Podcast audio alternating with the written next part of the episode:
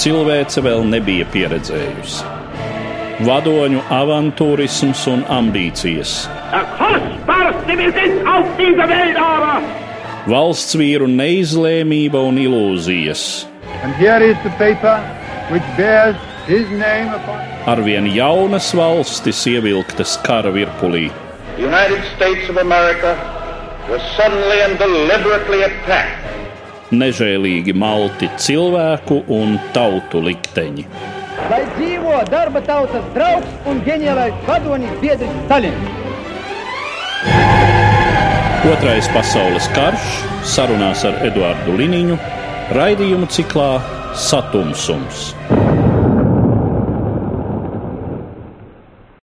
Labdien, cienījamie klausītāji! 1945. gada 4. februārī Krimas pussalā, netālu no Jaltas, uz konferenci pulcējas trīs nozīmīgāko prethitleriskās koalīcijas valstu vadītāji, proti padomju diktators Josifs Staļins, Amerikas Savienoto Valstu prezidents Franklins Delano Roosevelts un Britu premjerministrs Winstons Čērčils šeit tiekas, lai spriestu par to, kāda tad varētu izskatīties politiskā, ģeopolitiskā realitāte Eiropā pēc otrā pasaules kara.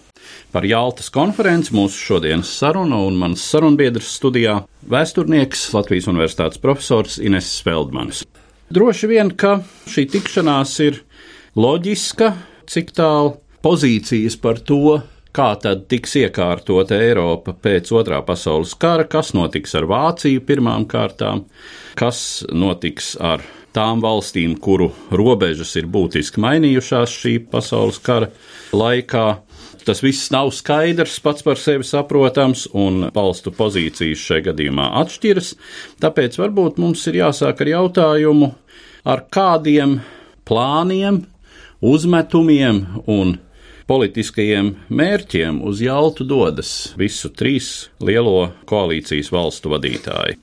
Tas jautājums ir ļoti vietā, jo ierodoties jautā, neapšaubāmi katram sabiedrotās vielos vadītājam bija savi mērķi. Piemēram, Franklins Delano Roosevelts bija iecerējis panākt PSRS iespējamu drīzu iestāšanos karā pret Japānu, jo tā karošana Japāna, Amazonā valsts līdz tam īpaši negāja. Viņus ļoti nobiedēja Japāņu pašaizsardzība, tie Japāņu pašnāvnieki un viss pārējais.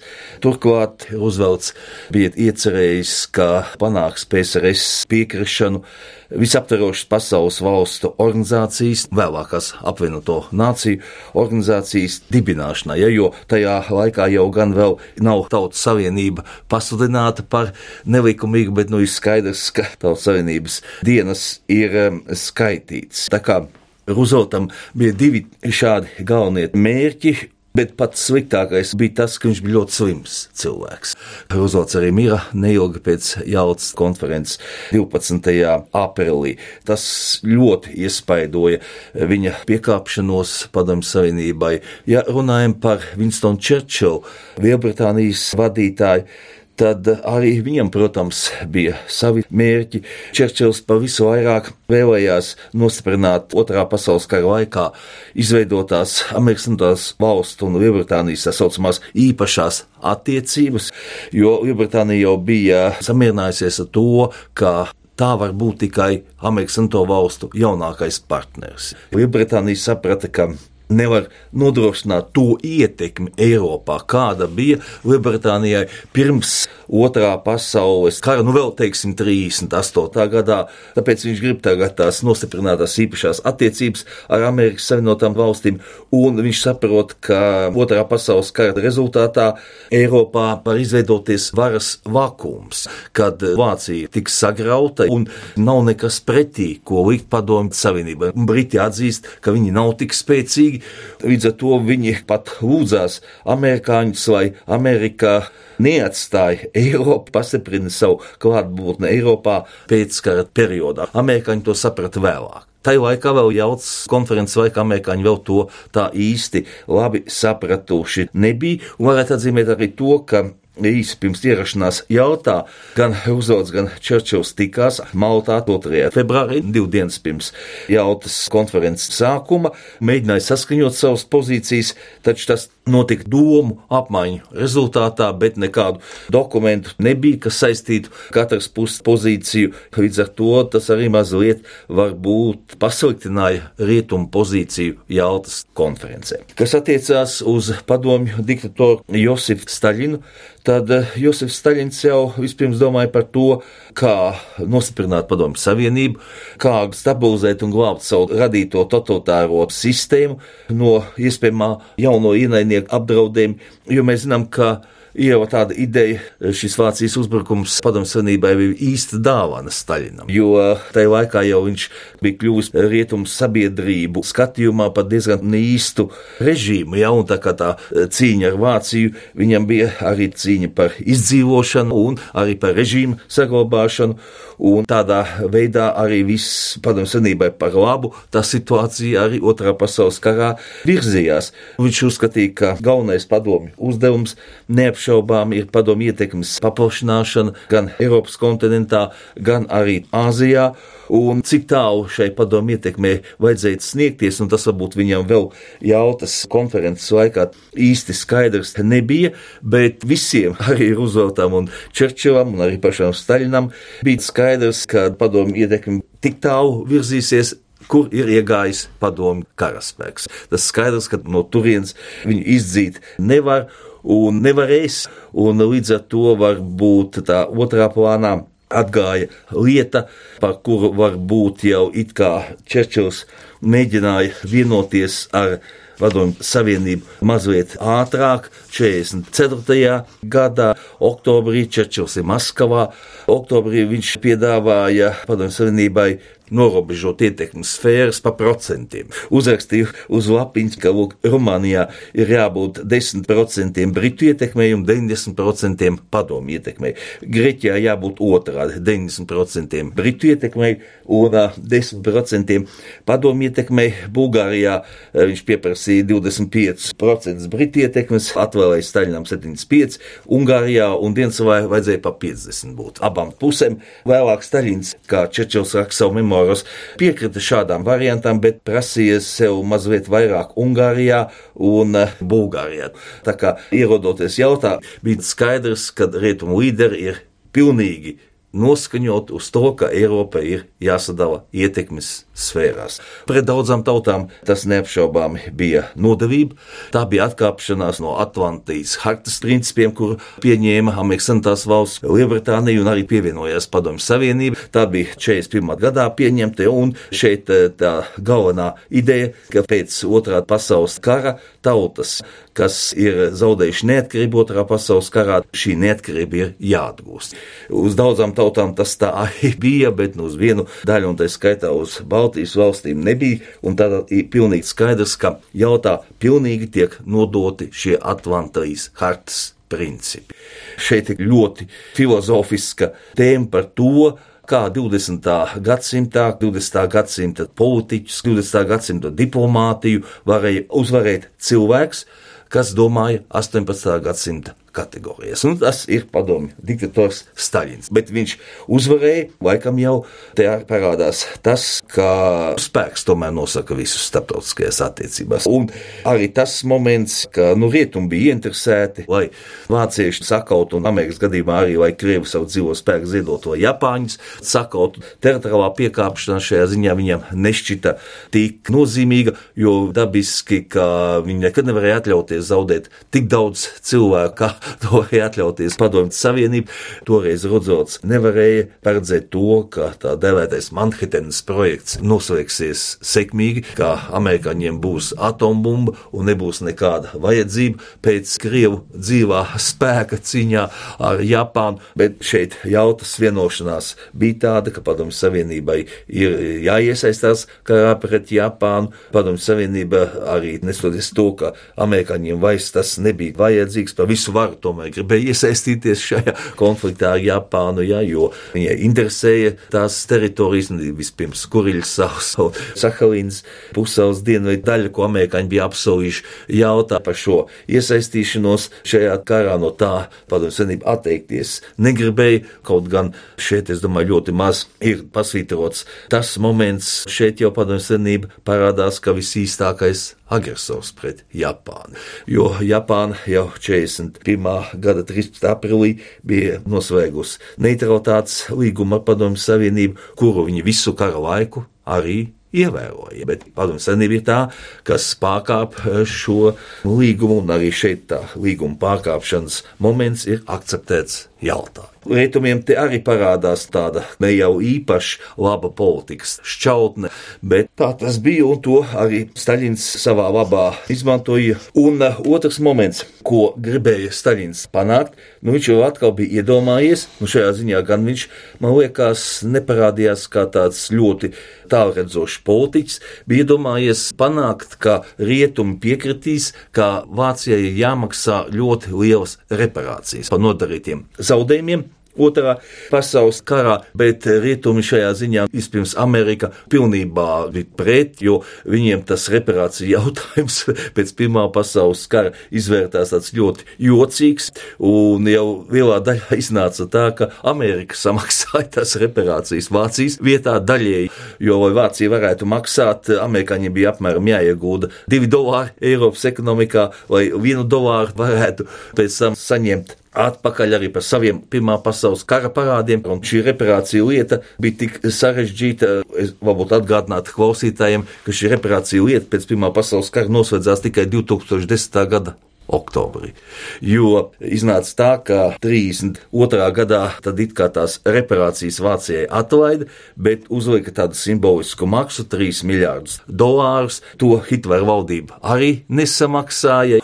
Un eh, līdz ar to šis jautājums par reparācijām, nu, kā tāds simbolisks jautājums, atkal pacēlās pēc otrā pasaules kara. Un šķiet, 52. gadā pieņēma lēmumu, tad, kad Vācija būs apvienota, tad viņai tomēr vēl šīs reparācijas būs jāmaksā. Iedomājieties tādu gadījumu, ka būs šīs reparācijas par Pirmo pasaules karu jāmaksā līdz 2010. gadam, un Vācija arī tās maksāja. Ja? Un esot tā par reparācijām ļoti jauni ceļi izbūvēti Beļģijā un kaut kur, bet jautas konferencē par šīm reparācijām rietumiem bija tāda ļoti noraidoša nostāja. Runājot par Staļinu nostāju, Jāltas konferencē, tad būtu jāatzīmē vēl viens moments. Šajā laikā jau padomju karaspēks ir guvis ļoti labus panākumus. Padomju karaspēks ir Polijā, padomju karaspēks ir Bulgārijā, padomju karaspēks ir Rumānijā, Ungārijā, Čehoslovākijā, arī Vācijā. Un šo momentu dabiski Staļins izmantoja savā labā, lai parādītu, nu redziet, kā padomju spēki cīnās, cik strauji viņi virzās uz priekšu, salīdzinot ar amerikāņu un britu karaspēku, un Staļins centās tomēr Rooseveltam un Čerčilam diezgan tā nesmalki likt saprast, ka tās operācijas, ko ved britu un amerikāņu karaspēks, rietumos nav nozīmīgas tik daudz, kā tas ir austrumos. Staļins arī pārmeta rietumu sabiedrotajiem, ka tie nevar garantēt, ka nenotiks vācu karaspēka pārvietošana no rietumu frontes uz austrumu frontu. Resti ir tāda zināma šantāža, jo šajā gadījumā jau tās lietas bija gandrīz vai otrādi. Sakarā tā saucamo Morgentava plānu, pa kuru mēs arī esam ar jums, Viniņkungs, runājuši. Vācieši jau vienu brīdi iedomājās, ka lielāk briesmas viņiem draud no rietumiem, jo šis Morgentava plāns paredzēja Vāciju galīgi paverdzināt un pārdesmit miljonus iedzīvotāju nolemt bada nāvei. Tāpēc jau vienu brīdi Vācijas politiskajās aprindās bija tāda doma, ka galvenās briesmas ir no rietumiem, un tāpēc mums jācenšas tos eh, britus un amerikāņus izdzīt no Eiropas, kur viņi bija izcēlušies 40. gada jūnijā, un te jau arī bija tā saucamā Ardena operācija 40. gada decembrī, kur arī vācieši to mēģināja darīt, bet nu, to viņi nevarēja izdarīt, bet nu, amerikāņus un britus viņi sabaidīja tā par riktīgam. Tā kā šeit jau es tā domāju, ka Vēsturniekiem ir tomēr daudz kas vēl jārisina. Padomu Savienībai ir liels ieguldījums cīņā pret Vāciju, ko rietumi ņēma vērā. Viņi grib vēlreiz, lai Padomu Savienība arī liec savus asins cīņā pret Japānu, bet tomēr man liekas, ka ar to vien ir grūti izskaidrot to lielo piekāpšanos, kas notika Jaltas konferencē. Es kādreiz, bet atsevišķos savos rakstos esmu mēģinājis izvirzīt tādu jautājumu, nezinu, vai man ir taisnība vai nav, ka Rooseveltam un Čerčilam tomēr mazliet pietrūka īsta politiķa tvēriena, īsta politiķa intuīcijas, par ko Austrum Eiropas tautas dabūja samaksāt gandrīz 50 gadus. Tā kā šis jautājums tomēr ir ļoti nopietns, mēs varbūt līdz šim necenšamies pārāk kritizēt rietumu sabiedroto politiku, bet šeit tomēr Roosevelta galvenokārt ticība Staļina visām tām pasaciņām, ka visas tās lielās teritorijas ir vajadzīgas padomu senībā, lai nodrošinātu savu drošību, ir diezgan apšaubām, ja mēs runājam par politiķa vērtību. Es domāju, ka tieši šodienas notikumi parāda to, cik toreiz tas bija politiskā ziņā tāda maza aprobežotība no Amerikas Savienoto Valstu un Lielbritānijas trešdienas dienā bija vietota karikatūra, kurā redzami tie trīs krēsli, kurā sēdēja visi trīs lielie jautas konferencē, un tagad sēž viens pats Krievijas prezidents Puķins. Ļoti laba doma tam karikatūristam ir, nu, tas arī ļoti parāda to, ka nu, arī Jaltas konferencē tomēr viss šajā ziņā nebija kārtībā. Rietumiem noteikti vajadzēja īstenot stingrāku politiku. Jautājums par to, kas tad notiks ar Vāciju? Un uh, kāda pēc kara varētu izskatīties Vācija, kādas tās robežas, kāda šai ziņā ir uzvarētāju priekšstati? Vācijas jautājums un poļu jautājums jau ir viens no galvenajiem jautājumiem šajā jautas konferencē. Un varētu teikt, pozitīvā ziņā, ka jautas konferencē praktiski visi trīs sabiedrotie saskaņoja plānus par Naciskās Vācijas galīgo sakāvi, bet arī bija vairāk jautājumi, kurus apsprieda šeit par Vāciju, bet tā īsti nevienojās. Proti, apsprieda Vācijas sadalīšanas plānus, bet par to tāda īsta vienošanās netika panākta, bet vienojies par to, ka izveidos Vācijā četras okupācijas zonas. Šajā ziņā arī bija strīdi. Un noteikti strīdi bija par to, vai vajag Vāciju dalīt trijās vai četrās okupācijas zonās, jo Padomju Savienība, jeb Josefs Staļins, bija pret to, ka arī Frančiem piešķirtu okupācijas zonu, jo Frančs viņš uzstīja par tādu vāju nāciju, kas nav pelnījusi šādu godu, bet beidzot Staļins tam piekrita un arī pieprasīja, ka Vācijā šīs robežas tiks mainītas. Tas saistās ar poļu jautājumu. Visi sabiedrotie piekrita, ka Polijas austrumu robeža tiks noteikta pa tā saucamo Kerzona līniju. Kersons savā laikā, 19. gadā, bija Lielbritānijas ārlietu ministrs. Toreiz viņš bija ieteicis to robežu nospraust pa tādu līniju, kas varētu būt Groņa Bresta un uz austrumiem no Peremišļas. Un bija ļoti izdevīgi padomju senībai, ka tāda robeža kādreiz ir noteikti. Līdz ar to Padomu Savienība varēja mazliet attaisnot diplomatiskajā plāksnē 39. gada septembrī veikto Polijas teritoriju aneksiju, jo Pūļu padomju karš, kas norisinājās 1920. gadā, bija novedis pie tā, ka Pūlīt vinnēja un, protams, arī ieguva zināmas teritorijas, kas bija uz austrumiem no šīs Kerzona līnijas, tā kā šajā ziņā Staļinam bija savi trumpi. Jauts konferencē tomēr neatbalstīja tā īsti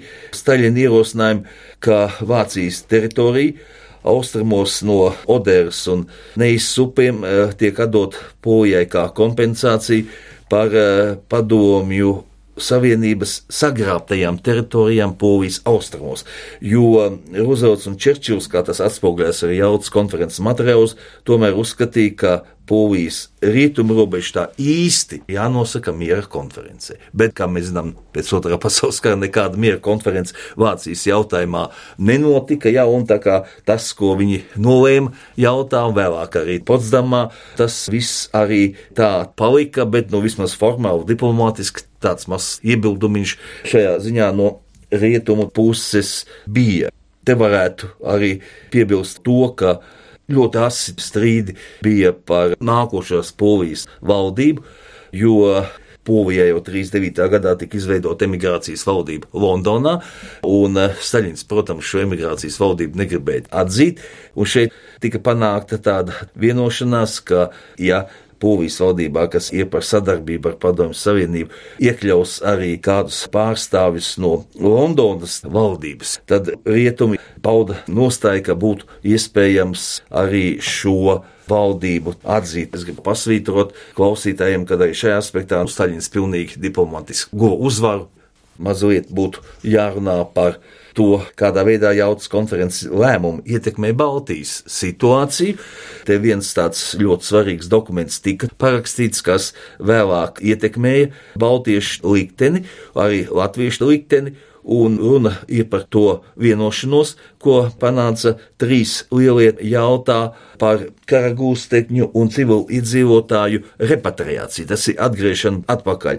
Un proti PSRS izmantoja šo dokumentu, lai panāktu visus padomu savienības pilsoņu repatriāciju neatkarīgi no viņa individuālām vēlmēm vēlējies uz šī dokumenta pamata atgriezt mājās arī Baltijas iedzīvotājus. To vairāk kādu padomu savienību pieprasīja, bet šajā jautā parakstītajā dokumentā gluži vienkārši nebija definēts jēdziens padomju pilsonis. Un eh, pēc konferences beigām tas tika izdarīts, un padomju cilvēku definīcijā bija iekļauti tikai cilvēki, kuri bija padomju savienības pilsoņi uz pasaules kara sākumu. Tas ir uz 39. gada 1. septembra. Tā kā Baltija tajā laikā vēl nav padomju savienības sastāvā, tā izdevās baltiešiem izglābties no tā, ka viņi tiek izdoti padomju savienībai. Ja, nu, tas ir ļoti nozīmīgs jautājums. Mēs zinām, ka pēc otrā pasaules kara izbrauc no Latvijas apmēram 200 tūkstoši iedzīvotāji, ja, un tas arī izšķīra šo iedzīvotāju likteni. Jauts konference ir izpelnījusies tādus ļoti dažādus un pretrunīgus vērtējumus vēstures literatūrā. Bieži vien šī jautas konference tiek raksturota kā ļoti haotiska, kā pilnīgi nesagatavota konference, tur nekādas dienas kārtības nebija. Un bieži vien vēstures literatūrā tiek eh, pasvītrots arī tāds moments, to kādreiz Čerčils savos memoāros ir rakstījis, ka nekad agrāk nav bijis tāda situācija, ka tik maz vīru, nu trīs vīri un diezgan veci vīri ir izšķīruši tik daudz cilvēku likteņus. Nekad nav bijusi tāda konference, kurā apspriesti tik daudz svarīgu notikumu pasaules mēroga, svarīgas problēmas un norises. Tiek arī vēstures citurā uzsvērts tas moments, ka jautas konferencē bija ļoti daudz improvizācijas, ja, jo nav sagatavoti tie lēmumi, un ka šo improvizāciju stimulēja tāda brīva, nepiespiesta atmosfēra. Te atkal jāsaka, ka te bija arī padomju varas vīri padarbojušies, jo viņi rūpējās par to, lai konferences viesi justos labi, lai konferences viesi varētu ēst kaviāru, varētu dzert nepārtraukti šampāniet, un tāpēc arī daudziem šī jautas konference ir palikusi prātā ar pārmērīgu kaviāriešanu, ar biežu tostu uzsaukšanu. Es esmu lasījis vēstures literatūrā, kur ir saskaitīts, ka šīs konferences laikā ir uzsaukti 200 tos, tad bija jāpaceļ vismaz 200 šampaniešu glāzes katram. Čerčils eh, esot ēdis, to viņš arī pats atzīst savos memoāros, kaviāru no rīta līdz vakaram. Viņš jau pat nebija piecēlies, ka jau pieprasīja, lai viņam būtu attiecīgā kaviāra porcija. Ja, nu arī šādā aspektā mēs varam paraudzīties, nu tā mazliet ironiski, varbūt uz jautas konferences dabiskā ironijai, te nav absolūti vietas. Es domāju, it īpaši no Latvijas viedokļa, jo šī konferences sadalīja Eiropu, rietumu un austrumu ietekmes sfērās un kļūt par tādu simbolu vienam no visciniskākajiem politiskajiem darījumiem pasaules vēsturē. Tik cinisku politisku darījumu laikam ir grūti atrast. Sankcionētā Austrumu Eiropas sovietizācija noveda pie tā, ka kopumā ap 100 miljoniem eiropiešu tādā vai citādā veidā nokļuva padomju lielvalsts varā un bija spiests samierināties ar dzīvi totalitārs apstākļos apmēram 45 gadus. Divas austrumēropiešu paudzes nevarēja pilnībā realizēt savus nodomus. Divas šīs austrumēropiešu paudzes bija pakļautas sociālistiskiem eksperimentam un vairāk vai mazāk cilvēka necienīgai dzīvei. Cik var noprast, tad par Baltijas jautājumu faktiski jautā nerunā. Un uh, tiek pieņemta esošā situācija no abām pusēm, kā acīm redzot neizbēgama. Staļinam šai ziņā nekādi noteikumi uzstādīti netiek. Vai rietumi jautā tāpat klusējot, akceptē arī to, ka Padomju Savienība veiks, kā jūs teicāt, šo sociālismu eksperimentu, ka tātad šeit tiks būvētas šīs tās augtās tautas demokrātijas, respektīvi tādi paši pēc padomju modeļa veidoti totalitāri režīmi ar attiecīgu padomju stila plānveidu ekonomiku un visu pārējo, kas ar šo sociālo un politisko modeli saistās jautājumi par Baltijas jautājumu praktiski netiek runāts. Visi ir samierinājušies ar to situāciju, kāda ir. Baltija paliks Padomju Savienības sastāvā, nu kāda būs Baltijas tautu liktenis, kāda būs iekārta un tā tālāk. Tas viss jau ir nodots Padomju Savienības rīcībā, un eh, te tādi jautājumi jautas konferencē vairs netiek skārti. Tā kā runājot par Baltiju, tad pēdējais, ko kaut ko vēl centās panākt, ir uzvelc kaut kādus savus e, risinājumus, no vai vismaz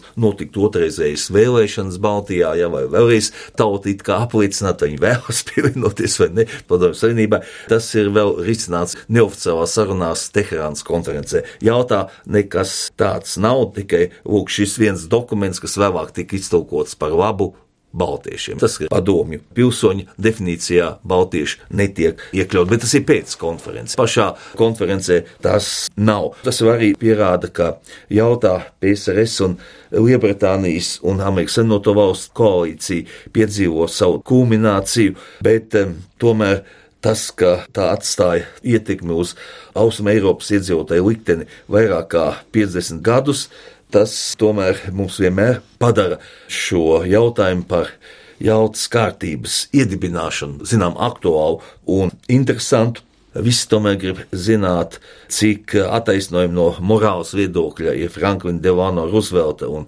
Winstona Čerčila rīcība jautā. Nu, kādreiz tā absolūti netika apšaubīta, bet es domāju, šodienas notikumu skatījumā viņa apšaubīs ar vien vairāk vēsturnieku, jo šī jauta, es domāju, arī, ja skatāmies no šodienas viedokļa, ir iedrošinājusi Krieviju uz tādu politiku, kādu viņi pašreiz veda. Tas faktiski arī ir tas jautājums, uz kuru jūs jau atbildējāt, ko es gribēju uzdot mūsu sarunas noslēgumā, bet šķiet, ka tā tas ir. Runājot par nu pat, nu pat noslēgušos kārtējo sarunu raundu Minskā, kur atkal tika mēģināts nokārtot Ukrainas jautājumu. Un šobrīd, kad mūsu saruna notiek, nav īsti skaidrs pat tas, kas tad tur īsti ir norunāts. Un, kas varētu būt? Jā, jā tur kā... ļoti dažādi vērtējumi, un jā. tas liekas ļoti jocīgi. Nu, labi, mēs esam mazas valstis. Lielvalsts pa mums lēma likteņus, bet Ukraina ir liela valsts un tāpat viņu dalīja. Tas ir kaut kas tāds galīgi neizprotams no mūsdienu politikas viedokļa. Un es domāju, ka tiešām visas tā sākotne ir meklējuma jautājums. Noteikti meklējuma jautājums. Jā, un ir ļoti konkrēti viens pasaules politiķis, un šeit es domāju Krievijas pašreizējo prezidentu, kuru es domāju viņa priekšgājēja padomju diktatora Staļina piemērs visnotaļ iedvesmo Krievijas šī brīža politikai. Skaidrs jau tas, ka Staļinam izdevās gūt tāds panākums jautā, tas dabiski pamats šai agresīvai politikai, ko pašreiz Krievija īsteno pret uh, Ukraiņu, ja, nu, no kuras glābti varbūt nebūsim arī mēs jā, to jau tā īsti labi nekad nevar zināt. Nu, kaut gan mūsu situācija laikam ir mazliet labāka kā Ukrainai. Katrā ziņā mūsu situācija ir nesalīdzināmi labāka nekā tā bija 1939., 1940. un arī 1945. gadā. Bet par to, ka Jaltas gars, diemžēl, nav iezārkots līdz galam, kā tas mums varbūt šķita vēl pirms pieciem vai desmit Jā. gadiem. Tas, nu, diemžēl, ir jākonstatē. Tas ir simtprocentīgi taisnība piekrīt. Ar tādu secinājumu tad es arī noslēdzu mūsu šodienas sarunu, kas bija veltīta Jaltas konferencē 1945. gada februārī, un saku paldies manam sarunbiedram, vēsturniekam Inesim Feldmanim. Raidījumā šīs dienas acīm cikls Satumsums - sarunas par Otro pasaules karu.